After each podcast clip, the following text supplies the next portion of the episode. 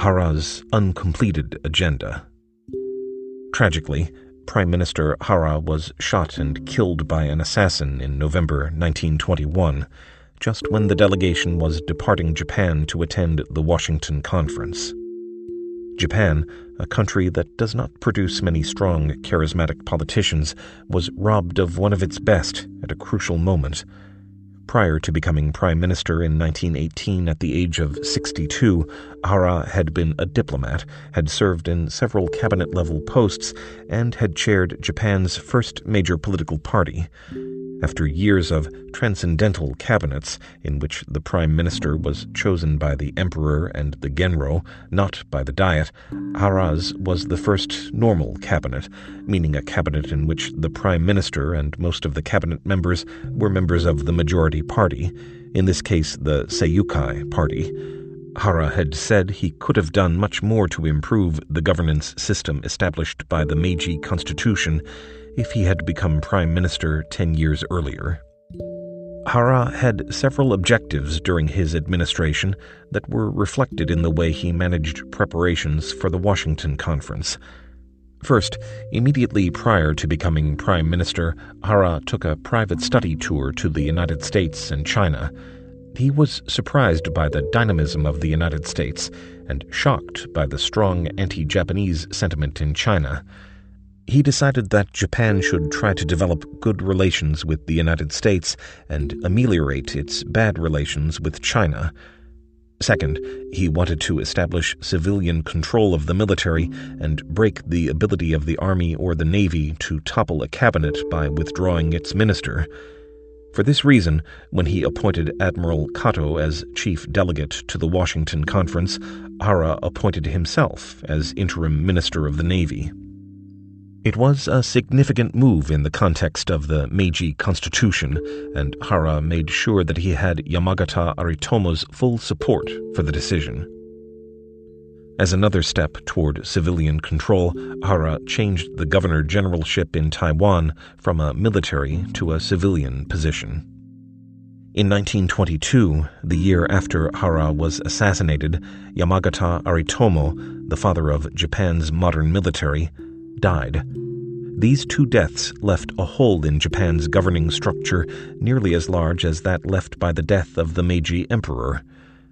Even though the two men were very different in personality and ideology, they had developed a solid working relationship, and Hara was skilled at convincing Yamagata, the stubborn field marshal, to cooperate in addressing some of the weaknesses of the Meiji system, such as the need to strengthen civilian control and the military chain of command. Unfortunately, their reforms were still incomplete when they died, and the weaknesses that they left behind became problems particularly for Japan's China policy. From Shidehara diplomacy to preparations for war. After Hara's assassination, Finance Minister Takahashi Korekiyo was appointed interim prime minister. Takahashi had served with distinction in several key positions in which he had resolved complicated problems in the economy and government finance but he had neither the skill nor the interest in political bargaining. Whereas Hara had known the strengths, weaknesses, and the needs of all the members of his party in the Diet, Takahashi could not even remember their names. On September 1, 1923, Tokyo and Yokohama were struck by a major earthquake that, in terms of death and destruction, ranks as one of the worst natural disasters in human history. More than 100,000 died and 500,000 homes were destroyed.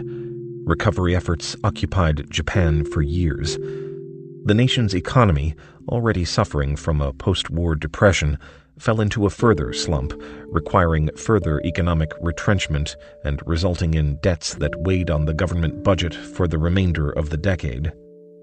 In dramatic contrast to the aftermath of the earthquake and tsunami of 2011, when the Japanese people amazed the world with their self control and discipline, after the 1923 earthquake, panicked gangs of young Japanese vigilantes attacked and murdered thousands of Korean residents. The massacre seems to have been sparked by false rumors of a Korean revolt and the rampage forced the government to declare martial law. The event stands as another black mark on Japan's relations with its Asian neighbors.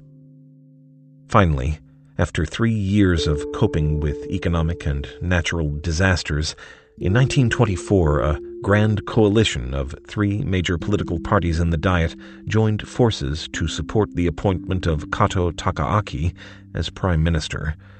Partly in an effort to overcome his reputation as the author of the 21 Demands, Kato appointed Shidehara Kijuro as his foreign minister. Shidehara after his role at the Washington Conference and his tenure as ambassador to the United States, was to continue the foreign policies started in the Hara administration, an approach that became known as Shidehara diplomacy. In his first speech in the Diet, Shidehara declared, Japan will not interfere with China's domestic politics. Japan will not take any action that ignores the legitimate positions of China. At the same time, we in Japan believe China will not take any action that ignores the legitimate positions of Japan. After taking office, Shidehara immediately contacted Wellington Koo, who was guiding foreign policy in Beijing. He explained his policy of non interference, to which Koo replied, in English In the spirit of Sino Japanese friendship, the Chinese government will do its best to protect Japan's interests. Shidehara was the first career diplomat to be appointed foreign minister. He was not a politician, and in the pre war period he had never run for political office. Later, immediately after World War II, he would serve briefly as Prime Minister and would have a key influence on Article 9, denouncing the use of war in Japan's post war constitution. Both Shidehara and Prime Minister Kato were married to daughters of Iwasaki Yataro, the founder of the Mitsubishi Zaibatsu, so they were brothers in law and were well connected in the business community. Perhaps for this reason, Shidehara usually couched his China policy in terms of business interests, stating that Japan sought markets in China, not territory. For military policy, the important member of the Kato cabinet was the Minister of the Army, General Ugaki Kazushige. Just as Shidehara represented a new era of diplomacy, Ugaki came to represent a new era of military policy. His view of military strategy was heavily affected by World War I. Ugaki, who had served two terms as military attaché in Germany and was an expert on German military principles, had been shocked to see Germany's defeat. He also observed that Japan had missed a full generation of military technology. The lesson Ugaki took away from World War I was the concept of total war, meaning the military and civilian industries should both be mobilized on a nationwide scale. Because Ugaki knew that money was tight, his first move as army minister was to decrease the army by four divisions. This policy, the Ugaki Gunshuku, Ugaki disarmament, led to a reduction of 34,000 soldiers. The idea was to use the savings from this troop reduction to begin investing in modern military equipment. The reduction in the number of posts was extremely unpopular within the army and over time it helped fuel the growth of radical, insubordinate factions. Ugaki called Shidehara's policy of non interference naive, mainly because he knew that in northern China the local Japanese military units were heavily involved with the Chinese warlords, mainly to protect Japan's interests in Manchuria. For Ugaki, Manchuria was vital to his total war strategy, which required Japan to be self sufficient in iron ore and coal. Over time, he saw Manchuria as important to the buildup of heavy industry, such as the Anshan steel mills, and eventually factories for manufacturing trucks and army vehicles with the steel from Anshan.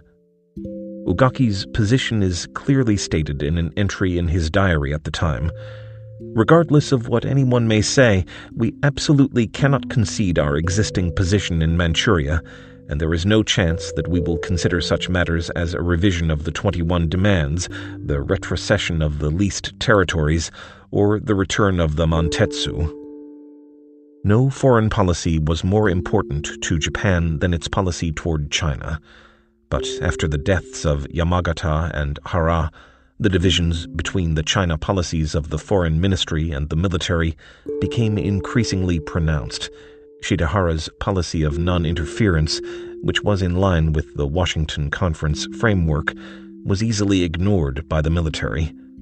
At the same time, a split occurred in the army. From the time of Meiji, the responsibility for supervising army affairs had been divided between the Ministry of the Army and the General Staff headquarters. Technically, the heads of both of these departments reported separately to the Emperor. When Yamagata was alive, he and his disciples had bridged this division, but now that he was gone, the only link in the army's divided chain of command was the Emperor. Army troops stationed in China, such as the Kwantung Army and the garrison forces, reported to the General Staff headquarters, not to the Ministry of the Army, and their orders came from a chain of command that was not linked to the cabinet. The inability of the Ministry of the Army to control developments in Manchuria would soon bring problems. Disorder in the Yangtze Delta and growing Chinese nationalism. Even though China was deeply fragmented in the early 1920s, Sun Yat sen, much to the surprise of many and with the backing of Soviet strongmen, was beginning to build a following. In November 1921, after exile in Japan and two years spent hiding out in Shanghai, Sun returned to Guangzhou, where he linked up with a local warlord in an effort to establish a power base. This alliance proved to be unstable, so Sun, using Guangzhou as his base, struck an alliance with Stalin and the Soviet Comintern. Stalin saw more hope in Sun than in the fledgling Chinese Communist Party, so he sent Mikhail Borodin to help organize the Kuomintang and also to help set up the Huangpu Wamfu military academy to train officers who would form the core of a national army that might unify China.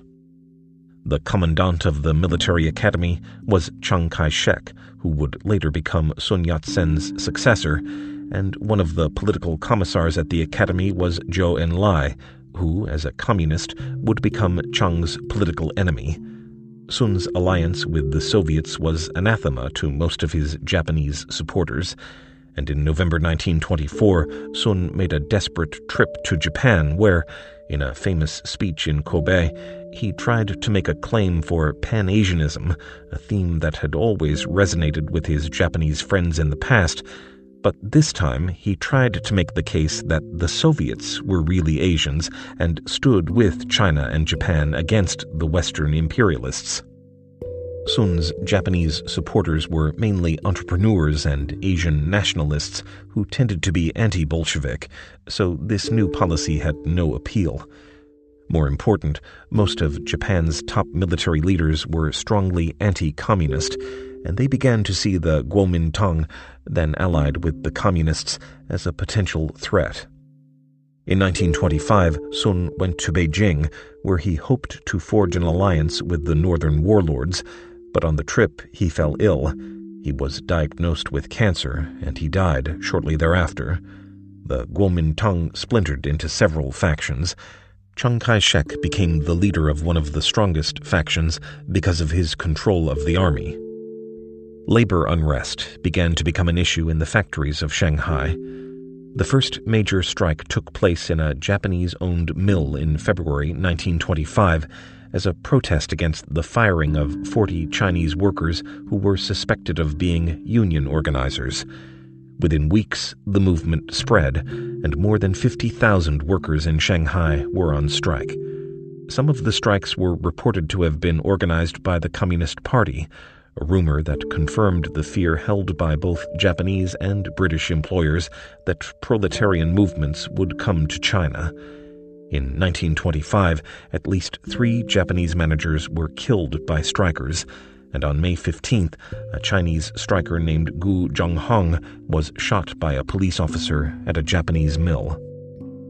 On May 30th, a group of demonstrators, including many students, gathered at a police station on the main shopping street, Nanjing Road, in Shanghai's international settlement to protest the killing of Gu Zhenghong and also the arrest of some of the Chinese strikers.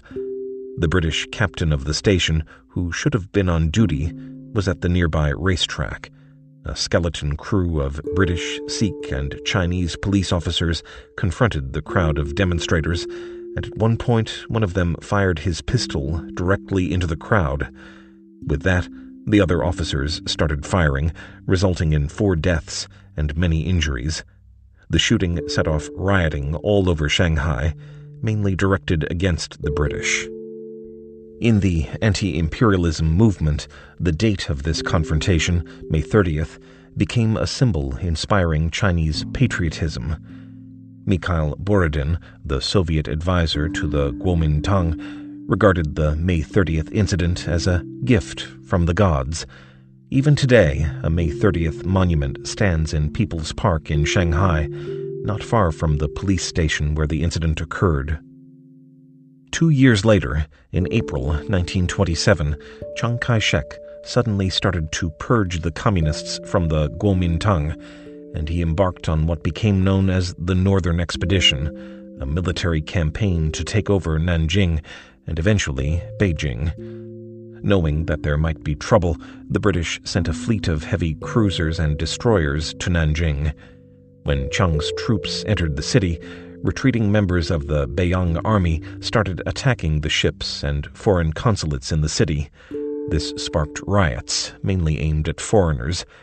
The British panicked and requested that Shidehara commit more Japanese troops to the fighting. Normally, Shidehara would have tried to cooperate with the British, but in this case, he felt that an increase in the Japanese military force would only make the situation worse, and he suspected the incidents were being carried out by communist agents who were trying to damage Chiang Kai shek's image with the foreign community. He thus committed only a bare minimum of 300 soldiers to protect Japanese citizens in Nanjing and encouraged the British to use restraint. Even though the violence was directed mostly at the British, a few Japanese citizens were injured. Photojournalism had become popular in Japan, and full page photos of Japanese women and children being menaced by the Chinese were common in the Japanese press. Thus, just as the May 1925 incidents aroused Chinese passions when the British shot into the crowd in Shanghai, the 1927 riots in Nanjing aroused anti Chinese passions in Japan Shidehara diplomacy became another name for being weak on China. Tanaka Giichi, a retired general and chairman of the Seiyukai, the opposition party, was appointed Prime Minister of Japan in April 1927. Tanaka dissolved the Diet in January 1928 and called for the first election under the new universal manhood suffrage law. Tanaka ran a vigorous campaign opposing Shidehara's weak China policy. Voter turnout was high, and Tanaka's party won a majority of the seats in the Diet, partly because of Tanaka's talk of getting tough on China. Although Tanaka was from a different political party than the Kato cabinet, he had worked closely with General Ugaki on the strategy to modernize the military, and his army minister, General Shirakawa was Ugaki's classmate and close friend. So when Tanaka became prime minister, the basic military policy toward China, particularly the policy to defend Japan's rights in the north, did not change. Tanaka Giichi, Chiang Kai shek, and the failure in Jinan. In December 1927, Chiang Kai shek went to Japan and met with Tanaka Giichi. He was about to restart his northern expedition to occupy Beijing in his effort to unify a large portion of China for the first time since 1911. He wanted Japan's cooperation for the expedition, and since it would take him through Shandong, he particularly wanted to avoid a conflict with the Japanese troops there. At the time, Beijing was under the control of Zhang Zuolin, the warlord from Manchuria who was working with the Japanese, and Chiang hoped the Japanese would help get Jiang to go back to Manchuria. Another purpose of Chiang's trip to Japan was to meet Soong Mei-ling, then in Japan with her mother, and propose marriage. Chiang Kai shek was accompanied on his trip to Japan by his longtime ally Jiang Chun. The two had been close friends since they were students together in Japan in 1908, and they had worked closely ever since. Jiang Chun had served as mayor of Shanghai, foreign minister, and premier. Later, when Chiang fled to Taiwan, Jiang would serve as his secretary in the office of the president. Chiang Kai shek could speak some Japanese, but Jiang Chun was fluent and was particularly helpful in matters that involved the Japanese. During their visit to Japan, they met with an impressive list of influential friends, including Inukai Tsuyoshi, later Prime Minister, Shibusawa Eiichi, an influential business leader, Yamamoto Jotaro, a Mitsui executive and later president of Mantetsu, Uchida Ryohei, a right wing Pan Asianist, and Nagaoka Gaishi, author of the 1909 classic military manual and division commander of the 13th Division, in which Chiang Kai shek had served in 1910. The meeting between Chiang and Tanaka took place at Tanaka's home and lasted for two hours. Only four people were present Chiang, Jiang, Tanaka, and Major General Sato Yasunosuke, a China specialist who had already been giving Tanaka daily briefings on Chinese affairs. Tanaka was pleased to hear of the progress toward unification and the purge of the communists. However, he encouraged Chiang to consolidate his position in the south before moving toward the north, advice that Chiang did not heed. Chiang was aware that Japanese troops were located in Shandong province, in Qingdao and Jinan, and he wanted to avoid a repeat of the massive conflict between China and the foreign community that took place in Nanjing in April 1927. Chiang assured Tanaka that his troops would do more to protect Japanese lives and property when they passed through Shandong than they had done in Nanjing. At the time, there were some 2,000 Japanese residents living in Jinan. Tanaka Giichi sought to avoid conflict, but he was under pressure to keep his promise to protect Japanese lives and property, so he sent General Fukuda Hikosuke and 4,000 troops to Jinan. Chiang Kai shek was camped nearby, and on the evening of May 3rd, it looked as if the situation was under control so that the Kuomintang troops would move on peacefully and Japanese troops could exit the city. To this day, it is not clear why the efforts to avoid conflict failed and ended in a deadly clash. An incident at the residence of a Japanese citizen caused either the Japanese or the Chinese to open fire. The fighting escalated and got out of control. Fukuda's troops, with prior orders from General Staff Headquarters in Tokyo to protect the lives of Japanese residents, started an all out assault against the Chinese troops, with the result that 6,000 Chinese soldiers were killed or injured. A maneuver that could have enhanced the trust between Chiang Kai shek and Tanaka had gone seriously wrong. Perhaps as the two sides went into Jinan, tensions were already so high and the level of trust so low that a slight accident sparked the fierce fighting. Perhaps a soldier from the Japanese side intentionally provoked an incident to slow down the northern expedition. The Japanese newspapers published reports of the incident, along with a photograph of the body of a mutilated Japanese civilian, placing the blame squarely on the Chinese. The massacre provoked an emotional reaction in both countries, and monuments commemorating the massacre are still visited by Chinese tourists and school children.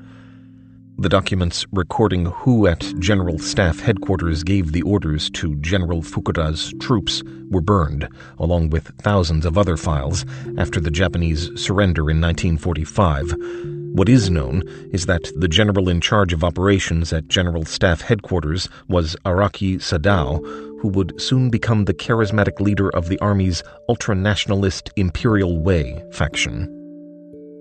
While most of the daily newspaper reports in Japan were about Chinese attacks on the Japanese, Ishibashi Tanzan wrote articles about the disproportionate number of Chinese deaths in the conflict and pointed out the absurdity of having sent 4,000 troops to protect 2,000 Japanese residents. By his calculations, it would have been much cheaper to simply evacuate the Japanese residents to get them out of harm's way. The assassination of Zhang Zuolin.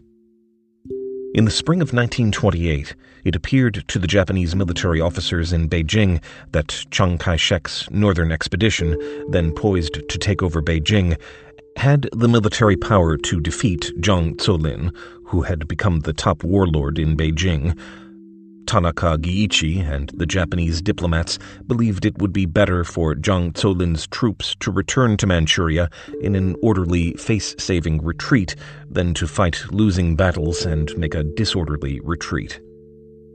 The Japanese military did not want Chiang Kai-shek's troops chasing Jiang north of the Great Wall, so the Japanese successfully persuaded Zhang Zuolin that it was in his own interest to return to Manchuria, and he boarded a train for Shenyang. Beginning with General Ugaki, the top military leaders in Japan felt that Zhang Zuolin could best serve the needs of Japan as a collaborator in managing Manchuria. Jiang had never been a docile puppet of the Japanese, but Ugaki felt that he was the best choice for managing the vast expanse of Manchuria and keeping it out of the hands of the Kuomintang. Komoto Daisaku of the Kwantung Army had a different idea.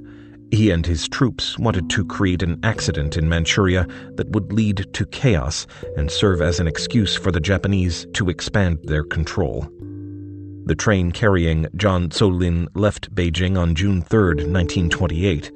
Komoto and a group of conspiring subordinates planted a bomb on a bridge over the railroad, and when it exploded, it brought the bridge crashing down on Jiang's private train car as it was passing into Shenyang, killing Jiang. Although they tried to make it appear that the explosion was caused by the Chinese, within a few weeks it became obvious that Komoto and his group had committed the assassination. General Ugaki, for one, was furious and accused Komoto of being a spoiled, traitorous child. The truth about the explosion gradually made its way to the Japanese cabinet and the imperial palace. Army Minister Shirakawa, like General Ugaki, was furious about traitorous insubordination, but he also strongly felt that the truth should be concealed to protect the reputation of the army and Japan's position in dealing with China. Prime Minister Tanaka thought the perpetrators should be tried and punished. Prime Minister Tanaka and War Minister Shirakawa held several separate meetings with Hirohito. Finally, Tanaka changed his mind and decided to conceal the truth. In the process, however, he felt that he had lost the confidence of the 27 year old Hirohito, and he therefore resigned. Tanaka died shortly thereafter, and there is some suspicion that he took his own life. These two incidents, the slaughter at Jinan and the assassination of Zhang Zuolin, became fatal turning points. Both acts exposed weaknesses in the Japanese army's chain of command. If the incidents had been avoided, relations between China and Japan might have improved. Instead, they cleared the path to war. The Hamaguchi Cabinet more assassinations. After the resignation of Tanaka Giichi, the president of the rival Minseito party, veteran politician Hamaguchi Osachi formed a cabinet in July 1929. Shidehara returned as foreign minister and Ugaki returned as army minister. Shidehara started once again to work with the British and the Kuomintang on a plan to give China tariff autonomy and to dismantle other elements of the unequal treaties. Ugaki tried to continue his project to modernize the army, which for him meant further downsizing the troops and investing in modern artillery, but the economic situation was even worse than it had been before, and within several months, the collapse of the U.S. stock market plunged the entire world into an economic depression. Shidehara, facing problems left over from the Tanaka cabinet, needed an experienced China hand, and he named as minister to China one of Japan's best diplomats, his longtime protege, Saburi Sadao. Shortly after taking up his post in China, Saburi returned to Japan to take a rest at the Fujiya Hotel in Hakone, and on November 29th, he was found dead in his room with a bullet wound to his head. The death was reported as a suicide, but the mystery of Saburi's death has never been solved. Like many in Japan at the time, he carried a revolver, but the gun that shot him was not his own. This was a heavy blow to Shidehara and his China strategy. He immediately appointed Shigemitsu Mamoru, another seasoned diplomat, to take Saburi's place. Shigemitsu moved to Shanghai and took up residence in a house in the French section, next to that of his longtime friend TV Soong, a Harvard graduate and the influential brother in law of Chiang Kai shek. The finance minister was Inoue Junosuke, a conservative economist and the former president of the Central Bank of Japan. Hamaguchi's Minseito party had made a campaign promise to return the yen to the gold standard, and in preparation, Inoue had tried to deflate prices and lower wages. Even government employees took salary cuts. Inoue returned the yen to the gold standard in January 1930, which, because of the U.S. stock market crash, was the worst possible time. The value of the yen went up, forcing Japanese exporters to lower their prices. Many smaller companies went out of business. Rural areas were particularly hard hit, partly because of a drop in the demand for Japanese silk.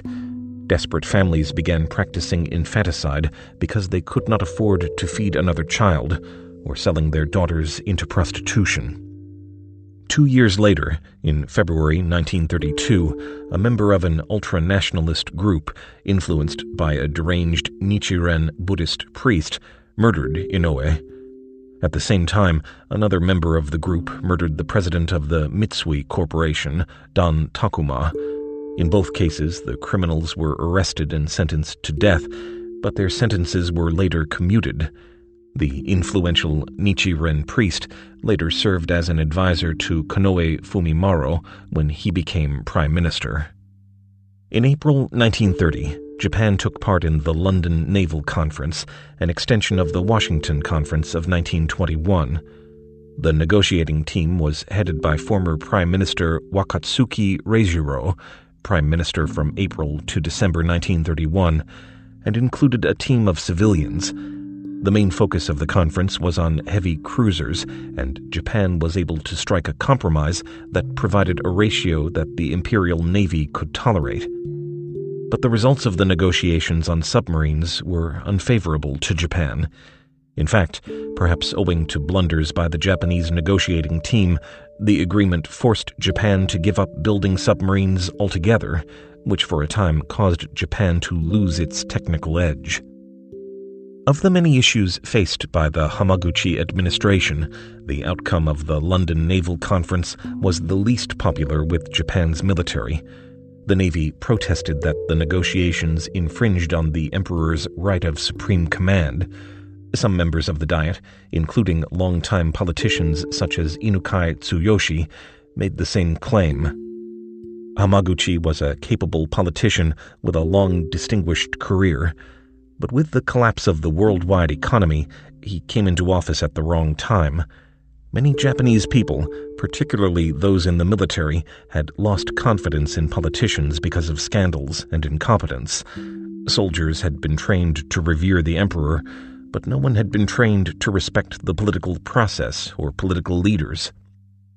The extreme reverence for the emperor evolved into what came to be known as the Showa Restoration, as Showa was the reign name for Emperor Hirohito. The following year, in November 1930, Prime Minister Hamaguchi was shot in the stomach at Tokyo Station by an ultra nationalist terrorist, a member of the right wing Aikoku Society named Sagoya Tomeo, who had spent time in China as a so called China Ronin, a samurai adventurer. Hamaguchi survived the attack and struggled to recover for nine months until finally succumbing in August 1931. He was actually re-elected from his hospital bed in March 1931. Shidehara assumed many of Hamaguchi's duties until the cabinet resigned in April 1931. Like many of the assassins captured during this period, Sagoya was sentenced to death, but his sentence was commuted to life, and he was released from prison in 1940. He would continue to be a right wing activist until his death in 1972 at the age of 64. Assassinations, beginning with the murder in 1921 of Prime Minister Hara, had become common in Japanese politics. The system for addressing them was also commonplace, with a public trial providing a platform from which a sympathetic defense attorney extolled the pure, ultra nationalistic ideals of the accused. The criminals were usually convicted, followed sometime later by a commuted sentence and their release from prison. Even the assassin of Prime Minister Hara was released. He went on to work as a bureaucrat in Manchuria. Insubordination in Manchuria. On September 18, 1931, a group of Japanese soldiers, thinly disguised as Chinese, planted explosive material near the tracks of the Mantetsu. The explosion caused minor damage, but the ensuing uproar gave the group of conspirators, led by Lieutenant Colonel Ishiwara Kanji and Colonel Itagaki Seishiro, an excuse to commence an attack on Zhang Xueliang's forces and thus begin the Japanese invasion of Manchuria. In Tokyo, the cabinet gathered at 10 a.m. on September 19th for the first of many urgent meetings. Army Minister Minami Jiro stated that the fighting by the Japanese had begun in self defense, but this was challenged by Foreign Minister Shidehara the Army's General Staff Office in Tokyo issued an order to avoid expansion of the conflict. When Ishiwara and his team received this order, they were temporarily dismayed. Over the next few days, they staged further provocations that gave them cover to expand their attacks. For example, a staged uprising in Jilin allowed the army to invade and take over the province. On September 21st, the Minister of the Army requested permission at a cabinet meeting to deploy the Japanese Army divisions stationed in Korea, but his request was refused. Later, when it was learned that the Korea divisions were already deployed, Prime Minister Wakatsuki gave his permission post facto. Similar excuses were used to occupy Harbin, which was in the far north and totally out of the range of the Mantetsu, or Japan's span of control. Piece by piece, provocation by provocation, the Kwantung Army expanded its reach across Manchuria. Prime Minister Wakatsuki could not build a consensus in his cabinet about the invasion, nor could he gain a consensus about how to keep from losing control over the military he began discussions with the opposition party, the Seiyukai, to form a joint cabinet in an effort to overcome the military with political force. But the invasion of Manchuria was so popular with the public that nearly all the Diet members had already succumbed to the momentum. Wakatsuki was forced to resign, and a new cabinet under veteran politician Inukai Tsuyoshi was formed. Inukai had been a member of the lower house since the first election in 1890. He was a popular politician and good friend of China. He was one of two Japanese dignitaries invited to China for the entombment of Sun Yat sen at Purple Mountain in 1927. However, despite his pro China stance, Inukai was a strong advocate claiming Japan's rights in Manchuria. Inukai named Takahashi Korekiyo to replace Inoue Junosuke as finance minister. Unlike Inoue, Takahashi Korekiyo used Keynes's approach. He allowed prices to increase, thereby giving relief to farmers, and he allowed wages to rise, which increased domestic demand. He also devalued the yen, making Japanese products more competitive overseas. Japan was quickly on the way to recovering from the Depression. The second important and surprising appointment was Araki Sadao as Army Minister. Araki had been first in his class at both the military academy and the war college, but he was a hardcore nationalist and he was viewed as the leader of the Army's Imperial Way faction. Araki was popular among young nationalistic officers, and one reason for his appointment was to placate the radical elements in the army. The domestic reaction to the expansion of the Manchurian conflict was strongly favorable. In December 1931, all political parties in the Diet supported a bill to thank the military for protecting Japan's rights in China. Even though the Kwantung Army had been insubordinate, on January 8, 1932, Emperor Hirohito issued an imperial rescript that praised the Kwantung Army for having fought courageously in self defense against Chinese bandits and for having strengthened the authority of the emperor's army.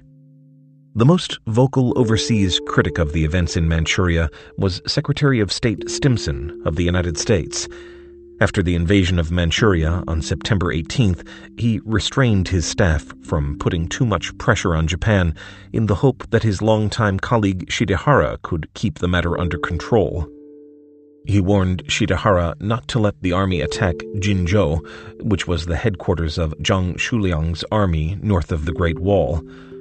Japan's ambassador to the United States, Debuchi Katsuji, met with Stimson daily to provide updates, usually accompanied by assurances that the matter would soon be under control. On October 4th, when the Japanese started bombing Jinzhou, Stimson knew that Shidehara was unable to control the situation, so he arranged to have President Hoover write letters to both Japan and the Republic of China, stating that the United States would not recognize any changes in Manchuria. In contrast to Stimson, Under Secretary of State for Asian Affairs William R. Castle stated that although he was cautious about Japan's move, the Japanese approach was not unlike that of America in the Western Hemisphere, for example, in its control over Nicaragua. He was convinced that, in the long run, America's interests in the Far East would be best served by a strong Japan as a guarantor of order. Except for Stimson, most world leaders were not critical of Japan's move into Manchuria, and many were actually in favor of it. The British government, headed by Labourite Ramsay MacDonald, saw more danger from a chaotic China than from a rightist Japan. The British press also tended to favor Japan. The Daily Telegraph stated in an editorial that the right of a government to protect its interests against barbarism and anarchy is a well recognized one. What is remarkable about Japan's invasion is the total absence of resistance from Zhang Xueliang's troops. Of his total army of 200,000 soldiers, fewer than 50,000 were north of the Great Wall in Manchuria the rest were south of the wall, mainly in Hebei province, securing territory for Chiang Kai shek. Chiang Kai shek's forces, in turn, were preoccupied in Jiangxi province in a prolonged battle with communist troops. In 1931, Chiang had failed three times in his efforts to rout the communist forces from Jiangxi, incurring nearly 100,000 casualties. If Zhang Xueliang were to deploy his troops north of the Great Wall to fight the Japanese, Chiang would have had to take some of his troops away from the fight with the Communists and send them to the north. An effective fight against the Japanese would require 300,000 to 400,000 soldiers, which would mean totally abandoning the fight against the Communists in Jiangxi. The alternative was to wage a token battle against the Japanese with 50,000 to 100,000 troops, which would have been a suicide mission. Using Chiang's math, it was better not to resist at all. This logic, in various forms, continued through 1936. Because his troops were limited, Chiang Kai shek figured he had to choose between fighting the Communists or fighting the Japanese. He chose the communists, saying that they were a disease of the heart, whereas the Japanese were a disease of the skin.